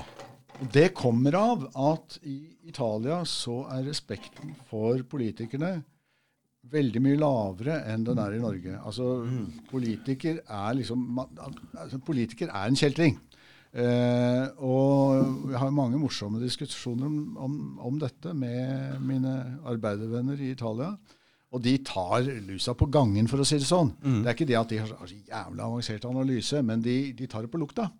De, de veit liksom Å ja, nå er de der. Du, for Jeg begynte å debattere litt og hjelpe hun der Kari Jakkesson en gang på sida av henne. Så Da begynte jeg å diskutere med en fyr, og han sa at eh, Kari Jakkesson undergraver det norske systemet. For det viktigste vi har i Norge, det er troa på politikerne våre. Det var hans argument. da. Han trodde, mente det var det viktigste. Det ville han forsvare. Men eh, den, akkurat den gangen så bare hoppa jeg og sa takk for. Men jeg tenkte men da må de jo være verdige at vi skal eh, tro på dem. Og den begynner å bli tynnslitt nå, vel. Jeg vil si at et system som er avhengig av absolutt tro, og som ikke tåler kritikk, er et livsfarlig system. Livsfarlig system. Eh, et system som er, har fred med seg sjøl, skal ha en opposisjon. For hvis du ikke har en opposisjon, hvis du ikke har en, en samfunnsmessig dialog, hvis det ikke er fritt fram til å ytre seg mot, mot statsstyret, Ja. så korrumperes statsstyret. Og eh, altså dette er jo beskrevet i f.eks. Uh, 1984 av George Orwell. ikke sant? Hvordan det der, denne her ødeleggelsen av den, den kritiske tenkninga nettopp er veien til helvete. Så jeg må si eh, med en gang folk eh, gjør krav på en sånn en tro på det myndighetene kommer med, det burde, da burde varselsignalene, de rødlysene, Ja. burde gå sånn. Ja, ja. men jeg, jeg Ja, det er sant. Det er sant. Det er sant. Altså, da har jeg Vatikanet, da har jeg hele gjengen for meg. Altså, det er sånn. Mm. og eh, og i, den, i den forstand har jeg bestemt meg for alltid å være en vantro. En vantro, ja. det er, viktig, det er viktig. Og i hvert fall nå. Og, og, og, og jeg vil si samfunnet trenger sånne. Helt klart. Det må vi ha. Vi må ha, altså, vi må ha forskjellige meninger. Vi kan ikke, i hvert fall ikke ha Altså For nå er media De ljuger så jævlig at det er at, du, Forresten, du har jo holdt på med Steigan lenge. Etter koronagreiene, har det skjedd en forandring? Har det blitt flere? Har du fått, har du fått flere hjelpere? Har du fått flere skribenter? Har du fått, har du fått flere lesere? Har det skjedd noen ting? Det har skjedd enormt. Det har det, ikke Eh, sant? Ja, det har det. Altså, vi Det er godt å høre. Vi hadde Altså selv om vi blir møtt med voldsom uh, sensur fra Facebook-siden Ja, veldig. eh, altså Det er jo nesten umulig nå Ja. å dele artikler fra, fra oss på Facebook. Mhm. Allikevel så øker antallet følgere på Facebook. Mm. Altså Vi har vel økt med 2500 siden i fjor sommer. Mm. Eh, så vi er vel oppe i en 12 000 eller noe sånt nå. nå. Mhm. Eh, og det er til tross for denne sensuren. Mhm. Eh, og i antall eh, lesere direkte på, på nettavisa, da, som er inne på, på steigan.no, så har vi vel økt med 40% fra i fjor. Ja. Mm. Eh, og vi leses Så det skjer noe. Det skjer vi, vi leses jo tross alt over hele verden. Eh, En del av våre artikler eh, oversettes til en del forskjellige språk. Oh, ja. Eh, så så, så, det går, sånn sett går det framover. Og det er også flere som skriver, og vi får veldig mye henvendelser. Mm. Eh, Fra folk Og- som vil ha inn innlegg, ikke sant? eh, også veldig mange som sender oss tips. Ja. Og, og så sier sånn eh, Kan ikke dere grave i dette her? Det er ingen andre presseorganer som vil grave i dette, Mm. og, og sånn. Og eh, jeg får henvendelser fra folk som sier sånn Men hva lever du av? Du, for det, det koster jo ingenting, den avisa di. Og så, og Altså, dette er jo veldig enkelt, fordi eh, jeg har en andre aviser har ikke råd til å drive gravende journalistikk i hele tatt. Det er jo derfor det ikke skjer noen ting. Du kan si at eh, altså jeg har jo den fordelen at eh, jeg har en eh, lønn fra Parkteatret hvor jeg er medeier. Ja. Eh, og nå er det sånn at uh, til å begynne med jobba jeg jo døgnet rundt for Parkteatret. I, I mange år så hadde jeg nesten ikke noe lønn, men jobba døgnet rundt for at det skulle gå, rulle og gå. Men nå er det ikke så veldig mye jeg behøver å gjøre, og da er mine partnere så rause at de sier ok, du kan eh, jobbe litt mindre med Parkteatret eh, og jobbe litt mer med Steigan.no. Så har jeg min lønn, og det greier seg for meg. Mm. Eh, sånn at du kan si jeg er sponsa av Parkteatret. da. Mm. det er bra. Hva er Parkteatret? Parkteatret var jo eh, en kino på, kino, på, på, på Grünerløkka. Mm. Eh, Norges lengst eksisterende kino, etablert i 1907. Eh, og i 2001 så var det en uh, venn av meg, Geir Jonsson, som uh, fikk tilbudet om å ta over leiekontrakten på de lokalene fra den stiftelsen som eier lokalene, for å etablere en musikkscene. da. Ja. Så spurte han meg om jeg ville være med, og det syntes jeg var gøy. Så vi etablerte Parkteatret bar og scene, og de første åra var knallharde. Det var eh, veldig vanskelig, og, for det måtte investeres veldig mye, og vi hadde ikke penger, så det var eh, knallhardt sånn sett. Mhm. Men vi har en, eh, en stab som er fantastisk, og som er norgesberømt for, for det de gjør. Men de sliter vel nå under korona? Altså det var, korona var et helvete for, eh, for våre ansatte. Det er klart det. Mm, mm. Det var eh, altså, det var jo ikke penger til å lønne folk. Nei. Sånn at det var jo, det var jo permitteringer og Hæ? Ove, da. Det var ikke meg denne gangen. Eh, nei, så, så, så, så, så Men eh, staben der har stått på noe voldsomt Mm. for å, å klare oss gjennom dette her. Mm. Og, og, nå tror jeg vi er redda. Nå Mm. har vi folk tilbake i jobb, og eh, nå frykter jo jeg at myndighetene Ja. kommer til å stenge oss igjen. Ja, ja, ja, ja. Eh, om ikke det skjer før valget, så skjer det etter valget. Så det er derfor du har poeng, peiling for For du nevnte i stad at de kjøper opp alle konserter i Norge, så du har litt peiling inni musikk, eh, Ja, ja. musikkgreiene der. Ja, Broren min er forresten sjef i Universal. Altså. Okay. Han også prater om det der med konserter, og de skal ordne og selge billetter sjøl og ta over mer av styringa over artistene sine sjøl. Og, litt sånn. Nei da, sånn at eh, For å gå tilbake til Steigan.no, så Jeg hadde jo ikke egentlig tenkt at det skulle hete Steigan.no. Jeg, jeg eh, hadde jeg gjort den analysen at uh, Jeg nevnte for deg at uh, da offset, uh, eh, kontor-offset kom, så utnytta vi den muligheten. Så da, da, da, da det ble lett å utgi eh, blekker, da. artikler på nett, Mm. så sa jeg til Først gikk jeg til redaktøren i Klassekampen Så jeg, jeg veit åssen dette skal gjøres. Jeg tilbød meg å gjøre det gratis for Klassekampen. Men Klassekampen var ikke interessert. Eh, Så gikk jeg til eh, Rødt og sa jeg har en idé om hvordan dette kan gjøres. Rødt var ikke interessert. Eh, Så gikk jeg til mine gamle kommunistiske venner som fortsatt ikke hadde forlatt eh, grunnlaget, og sa kamerater, la oss sette i gang, jeg vet åssen dette skal gjøres. Og så sa de du har alltid vært overoptimistisk.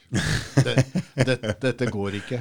Nei. Og da gikk det en faen i meg. Så tenkte jeg ok, hvis det er sånn, så starter jeg Steigan.no. Ja. Eh, så det, ble, det var derfor det ble Steigan.no. Du hadde en rar historie om eh, etternavnet ditt her òg. Ja, ja. For du er den eneste som heter det.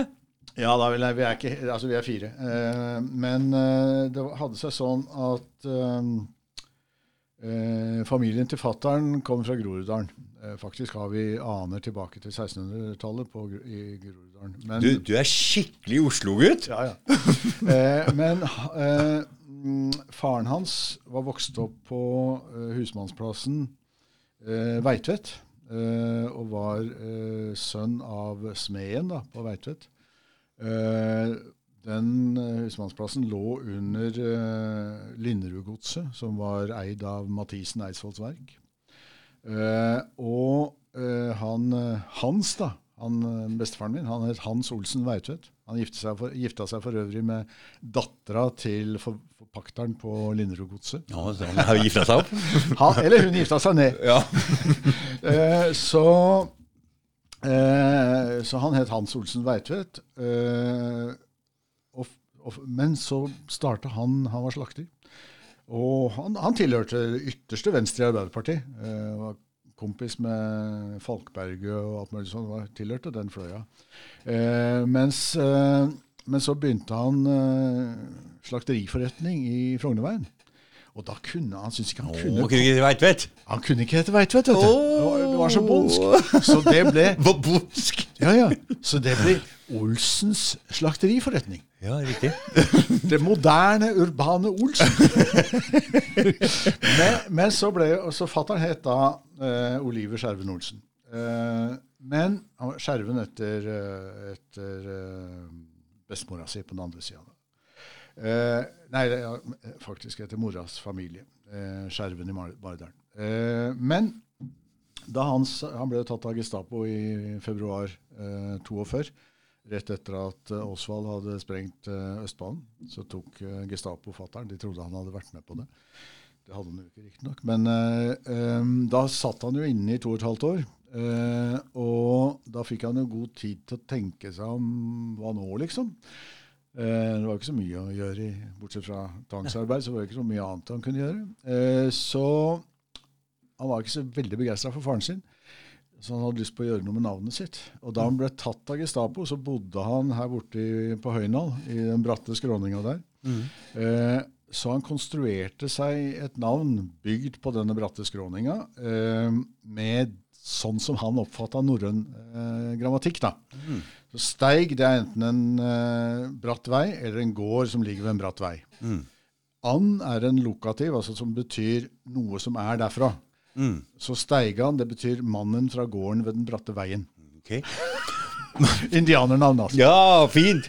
Men, men, for nå er det der blitt kjempepopulært. Men Nå bytter jo folk navn hele tida. Men den gangen var ikke det veldig vanlig å lage ja, sitt var, eget navn? Vel? Nei, ikke det å lage sitt eget. Men det var mange som bytta navn etter krigen fordi du hadde denne Eh, nasjonalismebølgen ja. Eh, med frigjøringskampen osv. Så oh, ja. sånn at eh, mange tok tilbake gårdsnavn og den typen ting eh, gjennom, eller etter krigen. da. Mm. Men fatter'n gjorde det på den måten. Han lagde sitt eget navn. Mm. Så det, er, bare vår familie som heter Ja.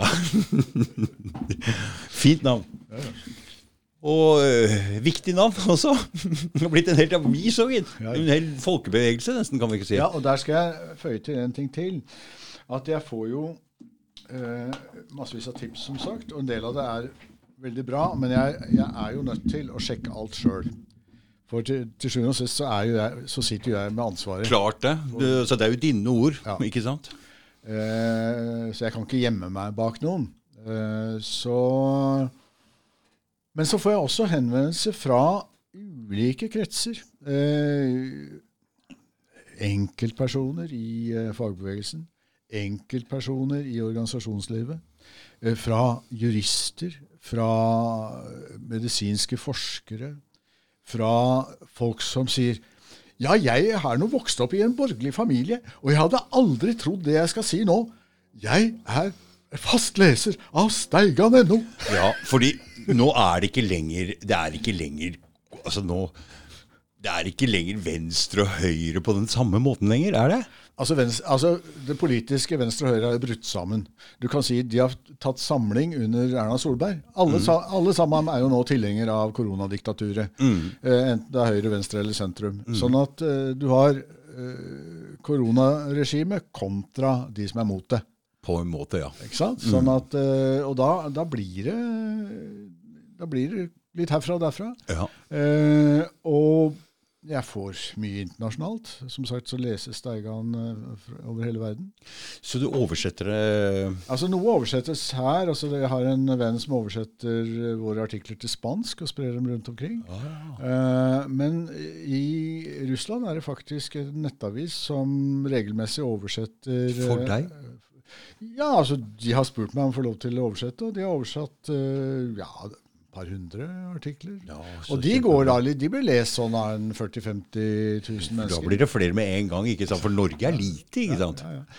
Sånn at uh, det, spres rundt omkring. Og uh, uh, det som skjer nå det, Dette har jeg observert. Det som skjer nå, er at det finnes en ganske omfattende motstand mot det regimet som, Ja. som uh, vi har i hvert fall i andre deler av verden. Det Nei, men det det fins i Norge. Oh, ja. Mm. Fins i Norge òg. Eh, men det, denne organisasjonen, denne, denne, denne motstanden, er ikke organisert på tradisjonell måte, men den fins som du kan si noder som svever rundt i et tredimensjonalt eh, system, Mm.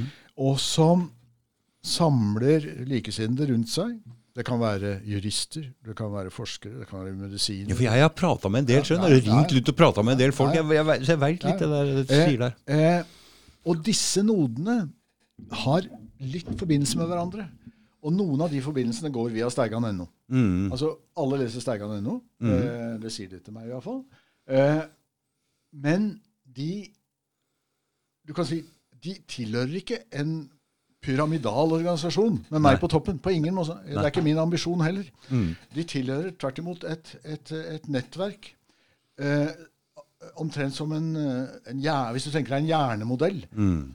hvor det er disse hjernesentrene som har kontakt med hverandre via Mm, syn mm, synapsene, mm, mm, mm. og deler informasjon sånn. Mm. På den måten funker det. Det er spennende. Og det er veldig vanskelig å ta knekken på en sånn uh, struktur. Ja. Du kan slå ut meg. Det, det, det er en full mulighet. Men du kan si hele, hele nettverkets DNA fins jo i de forskjellige nodene. Mm. De har all informasjon som jeg har gitt ut. Og jeg prøver å dele min kompetanse å jobbe med dette også. Sånn at eh, det er veldig lite de har å tjene på å slå ut meg. Mm. Fordi kompetansen og nettverket fins. Mm. Eh, For det begynner å bli en del folk. ja, det begynner å bli mange. Så, sånn at eh, jeg tror det er veien å gå framover. Da vil vi kunne skape ja, Da vil vi kunne skape en, en, en, en, motstand mot dette som Ja. kan oppnå Ja, Pål. Eh, Ja, ja, men altså jeg jeg er en fredelig mann, så jeg studerer jo krigskunsten av Sun Tzu. Og det har jeg hørt så mye om. og, og naturligvis eh, eh, der Kriege, von, der, von der Kriege av eh, Clausewitz. Eh, fordi eh, du kan si I Sun Sus tenkning så sier han at eh, kjenn fin, kjenn deg sjøl, og du kan føre 100 slag uten noen gang å tape. Mm. Og i den østlige tenkninga så har du også dette som er formulert som jiu-jitsu, som betyr den svake kraft. Mm. Altså hvor du ikke møter kraft med kraft, men du møter kraft med å gi etter, for dermed å la, den, la krafta ta seg sjøl. Mm. Jeg ser mye på jiu-jitsu. Altså, du, altså, vet hva det er. altså, du, du lar kjempen, du lar Goliat knuse seg sjøl Mm. gjennom å utnytte Goliats svakheter. Sånn at uh, du kan si mine våpen, det er her. Det er her. Det er meg. Det er mine våpen. Mm. Uh, så jeg trenger ingen væpna revolusjon. Min revolusjon er her. Det, det er liksom det å ja, Væpna revolusjon, det går, det går ikke Men det er de andre som gjennomfører væpna revolusjon. De, de, den er jo, altså, de internerer folk, de arresterer folk, de, de, de, bruker uh, voldsmakt mot folk. Mens vi derimot bruker ånd, vi bruker ordet, vi bruker tanken, vi formidler. Det er vår måte å slåss på. Og den viser seg å være veldig sterk. Og tydeligvis farlig for dem. Altså Jeg så, jeg så jo her at uh, mediene utpekte stakkars eh, Robert F. Kennedy, altså nevøen til Ja, ja, ja. John F., som en folkefiende. En av de tolv verste i verden. Oh, ja. Hvem gjorde det? Hvem Altså, gjorde det? det sto jo nå at han var liksom en av de the, the dirty dozen, eller the, the, the, et eller annet dozen. Altså en av dem som sprer disinformasjon om korona. Mm. Men han er jo egentlig bare en, litt, sånn mot vaksiner, ikke sant? Ja, men han er en fredelig opplysningsmann. Mm, mm, ja, altså, ikke sant? Ja, mm. Men de er redden, fordi han setter fingeren på en del ting Han som de, på en del ting, ja. de Mm. ikke liker. Og han har et navn også. Han har et navn, og det er naturligvis også farlig. Så eh, altså, Det viser hvor redde de er Mm, for at informasjon skal nå fram. Mm. Og det er en annen ting. Hvis folk er sinte, så skjønner jeg at de, de er svake.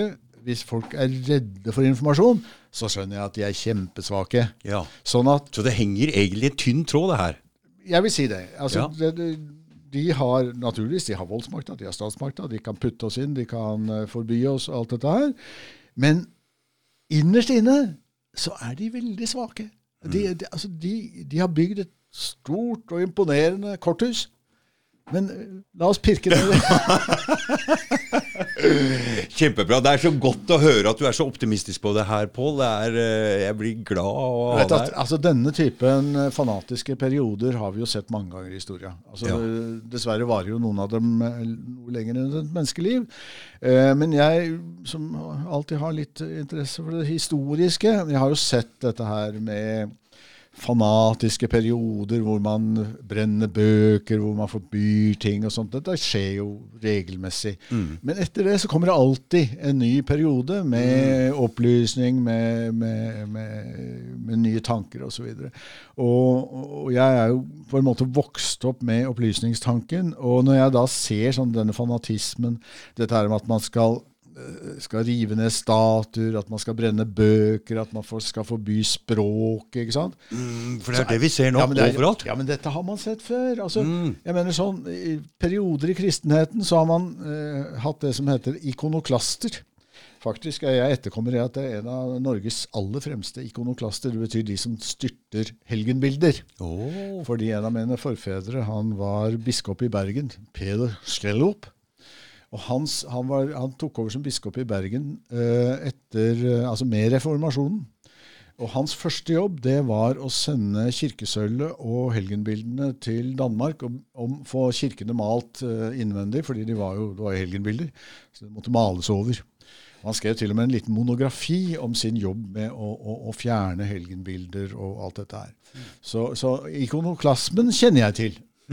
til og med fra hans Du, historie. det er godt å ha en sånn familiebakgrunn hvor du veit så mye om Det plasserer deg veldig sterkt, og du får en veldig trygg eh, om, om hvem du er, ikke sant? interessant. Men så har du altså hatt, eh, i og med at jeg har tilknytning til, til uh, Italia, så kjenner jeg jo også sånn som Firenzes historie, da, hvor du hadde en veldig rik renessansekultur på, på 1400-tallet, med Medici-familien, hvor du hadde Leonardo da Vinci, du hadde Botticelli, du hadde alle disse store. ikke sant?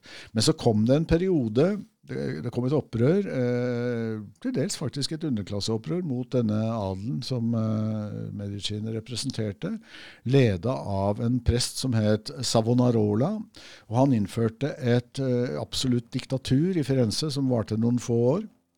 Uh, hvor det var bokbål, og alt var forbudt og alt mulig sånn. Eh, Ligner mye på den tankegangen, denne renhetstankegangen som vi ser i dag.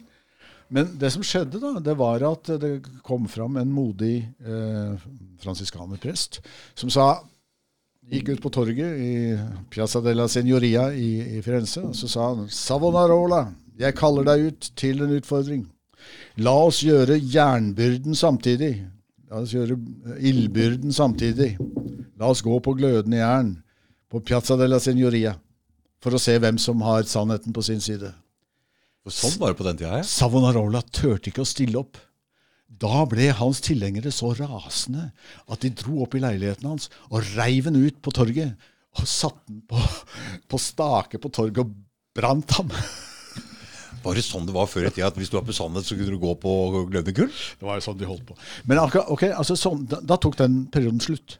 Altså Fanatismen tok slutt med, med uh, bål over Savonarola. For når de går for langt, for langt, det må komme en motreaksjon. Det kommer en motreaksjon. Og et samfunn som fortsetter den typen fornektelse, den typen forbud mot vitenskap, forbud mot formidling, Sensur. sensur Media som lyver. Ja, men det, det, da, det er slutten på et samfunn. Det er slutten på et samfunn, ja. Altså, ok, da tar kineserne og russerne over, da. Altså, det er jo sånn at eh, ok, Kina er sikkert opplagt et diktatur, men de er ikke så primitive.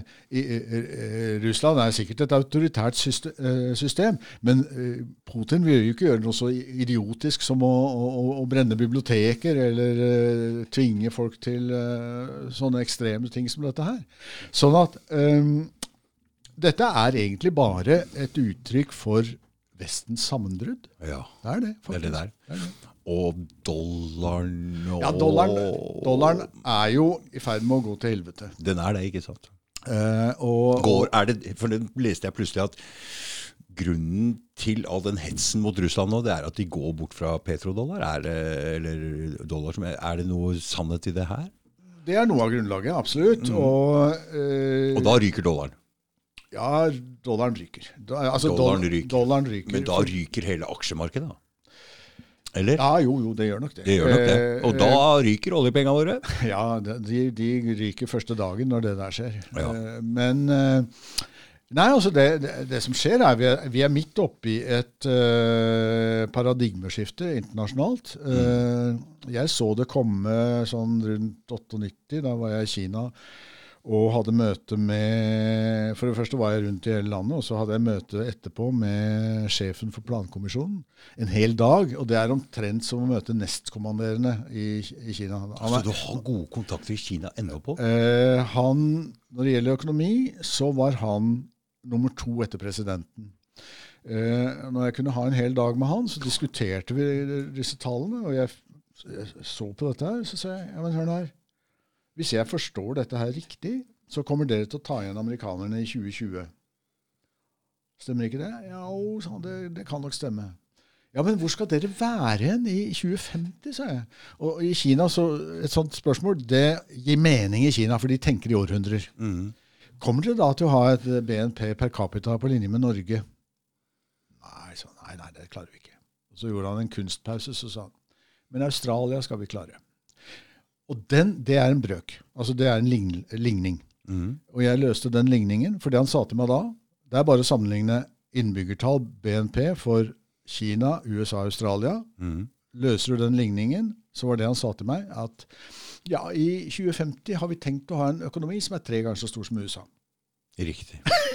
Og de er på god vei dit. Mm. Eh, det har vært deres plan lenge. Mm. Og de kineserne, som jeg sier, Jobber langsiktig. de tenker i århundrer. For, for, for det som er problemet i Norge med demokratiet, er at de klarer ikke å ha en langsiktig plan i det hele tatt. Det er ikke noe som styrer denne skuta. Den går litt hit og litt dit. De har, de har knapt en plan for neste uke. mm, Så, mens i Kina, så med den type, type form for styre, så går det an å sikte langt. ja, ja.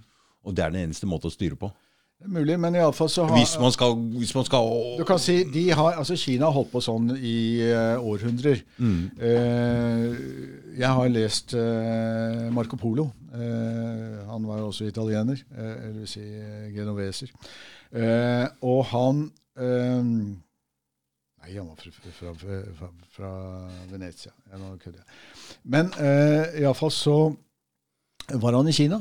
Eh, og leser man hans, den boka hans som kalles 'Millionen', eh, så forteller han jo om hvordan de hadde uh, dette postsystemet deres, dette uh, transportsystemet deres, uh, hvordan de brukte papirpenger Alt dette her. Det er egentlig en litt kjedelig sosiologisk bok, men det er en veldig fantastisk dokumentasjon av hvordan hvordan, Kina var. Mm. Og han fortalte at keiseren kunne få ferskt mat fra det indre av Tibet, for de hadde bygd opp et veisystem med kurerer som holdt et tempo da 30 km i timen tvers gjennom hele Kina. og Da gikk det ikke mange dagene før de var i Beijing. Eh, eller Kambalik, da. Eh, og, eh, så det var et veldig veldig avansert system. Eh, og Kina har jo vært sånn i årtusener, faktisk. Eh, sånn at det kinesiske perspektivet det er sånn Kina har vært den største økonomien i verden i 18 århundrer, men de siste to århundrene har vi hatt litt problemer. Nå er vi tilbake der vi skal være. Oh, ja. Det er sånn det er. Det er sånn det henger sammen. Det er sånn de tenker. Sånn at de har hatt denne her voldsomme kulturen som man ikke har skjønt i Vesten. Nei. Eh, fordi de var inneslutta. Eh, de var bak sin mur, kan du si. da. Eh, de var ikke så veldig opptatt av å, å, å spre seg utover verden. Eh, men bak den muren, for å si det i overført betydning, så bygde de opp en ekstremt avansert kultur som eh, produserte det mest avanserte i datidas verden. Men det var jo opiumskrigene Ja. som, Mm. Ja, som der, ja. britene påførte dem, ja, ja, ja. som ødela kinesisk økonomi. Og den har de vel ikke glemt. Nei, du vet, du vet at når, når britene nå sender eh, marinestyrker til kinesisk farvann, Mm. så er det En på. bortimot det dummeste du kan gjøre. Mm. Altså, hvis du vil erte på deg kineserne, gjør det. Mm. Men da har du skaffa deg en fiende for de neste 100 år. Eh, fordi da tenker de på opiumskrigene. Mm. Da britiske marinefartøyer lå og bomba Bomba tvang dem til å ta imot opium, ikke sant? to- ta imot opium, ødela kinesisk økonomi, ødela kinesisk kultur, bomba i stykker, drepte menn, kvinner og barn. Og, og, og- styrta Kina ned i ekstrem fattigdom. Og så klarte Kina å kravle seg opp igjen, klore seg opp igjen, og har nå kommet opp mot det nivået de burde ha. Og så kommer de med marinefartøyene sine. Igjen, ja. Men nå kommer de til feil adresse. Fordi nå, hvis de prøver seg nå, så er de sitting ducks. Fordi kinesiske våpen er i stand til å plukke dem sånn. ja, for de sitter med all teknologien. Ja, ja, ja. Altså, altså, kom med et britisk hangarskip der. Send et missil mot kinesisk fastland. Før det missilet er framme, så eksisterer ikke det hangarskipet lenger. Sånn er det. Eh, Tror du, men det som skjer på Krim også, det er jo en del av denne pakka her. og eh, Russland og Kina, er, har de en slags altså, liten samarbeid der? eller? Ikke lite samarbeid. Du kan si det det Vesten nå har gjort, og spesielt de siste amerikanske administrasjonene, da, det er jo å gjøre geopolitikkens kardinalfeil nummer én. Altså den mest sinnssvake tingen du kan gjøre, det er å få Kina og Russland til å bli allierte. Og det har de gjort, ikke sant? Eh, altså Nixon, Nixon var jo mye smartere. smartere. Han, han dro til Kina, møtte Mao, og klarte da å kjøre en kile mellom Sovjetunionen og Kina. Og det, det var fiendskap mellom Kina og Sovjetunionen. Det utnytta Nixon-administrasjonen og andre amerikanske administrasjoner. Men ved å kjøre denne fiendtlige politikken mot begge land samtidig, mind you, så har de tvunget disse gamle rivalene til å stå sammen. Og nå er de allierte. Så det betyr at Russland for første gang i sin historie har full ryggdekning. Altså Bak Moskva er det ingen fiender. Nei. Fram til Kinahavet. Mm. Sånn at eh, de vet jo veldig godt at de kommer ikke til å bli angrepet i ryggen. Der står kineserne. Eh, mens kineserne vet at de ikke kommer til å bli angrepet den veien, for der står russerne. Så, så, så du og jeg, vi holder egentlig ikke med Vi holder med Russland og Kina. Vi holder ikke med, vi holder ikke med Vesten, for vi ser, vi ser jo at det, de, de er riv ruskende gærne. Og de gjør feil på feil, og de dominerer og bomber og herjer. Altså, Hva skjer hvis det blir krig? Er, vi forrædere da? på? Nei, jeg vil jo si at jeg er patriot. Og jeg vil si at eh, vi har et regime i Norge som er det mest upatriotiske vi har hatt siden, uh, siden krigen. Fordi de, eh, de har jo Altså der, og der de, de er verre enn noe annet. Også verre enn høyreregjeringer har vært før. Fordi for første gang så har de gjort Norge til atombombemål nummer én. Altså de har, de har gjort Norge til et nødvendig mål for Russland i tilfelle en krig. Og det har de gjort nå under koronakrisen? Ja, Det meste har de gjort da, men de begynte før. Altså De, de har etablert eh, amerikanske baser i Norge. Eh, USA patruljerer nå norsk land eh, ha politimyndigheter og, og politimyndighet over områder i Norge. Det er første gang det har skjedd Ja. siden krigen. Uh, dette er Erna Solbergs verk. Uh, dette fører til at det finnes batte, atombatterier i Russland som er prikka inn på Ørlandet, på Rygge, på, på Bodø lufthavn osv. Og, og det må være sånn. Altså, russerne, Ja, ja. Kan, russerne kan ikke ta sjansen på at det skal kunne komme eh, amerikanske missiler fra disse basene. Så blir det en konflikt, så tar de ut disse basene. Og den gaven har vi fått av Erna Solberg og hennes team, med eh, Jonas Gahr Støre som vel vitende medskyldig. Det kaller jeg ikke patriotisme, og det å slåss mot det er patriotisme. Og Jens Stoltenberg som en sånn krigshisser eh, som Nato-general? Hæ? Ja, crazy. Altså, han fikk jo den posisjonen ved å sende norske styrker til å ødelegge Libya, det mest velfungerende landet i Afrika. Ja, det er helt det er galskap. At- at det han- det, er- dette her, altså ikke folk reagerer hardere på hva som skjer, det er, synes jeg det er galskap. Norge, Det er- Norge ga flystøtte til eh, jihadister som massakrerte svarte fremmedarbeidere i Libya. Mm. Dette er Jens Stoltenberg medskyldig i. Mm. Og han For du har, an, du har anmeldt dem, du, Pål. ikke sant? Og, ja, og, og, og han presterer å ta antirasisme i sin munn. Mm. Altså, han har jo drept flere afrikanere, han, enn noen annen i Norge. Mm. Dette er, dette er skandaløst, og det er skandaløst at det ikke er tatt et oppgjør med det, men det kommer. Det kommer. Det håper jeg. Virkelig. Ok. Ehm, vi har mye sk vi skulle ha sagt. Det er veldig morsomt. Dette er, altså, å prate med en så engasjert og, og en mann som veit så mye, det er Altså, jeg har lært mer i dag enn jeg har gjort på Du vet, en, en, en, en liten styrke jeg har, det er at jeg veit hvor mye jeg ikke veit. Sånn at jeg er alltid på jakt etter ny kunnskap. Eh, den dagen kunnskapstørsten dør hos meg, så kan jeg pakke sammen sakene. Men det ser ikke ut som det er Det er ikke nært, for, det nært forestående. Ja, det ser jeg. Er klokka eh, Ja, nok? Ja, nå er klokka. Ja. Tusen takk for at du kom på. Dette var den mest interessante, engasjerende podkasten jeg har hatt, tror jeg. Takk skal du ha. Tusen takk. Ha det.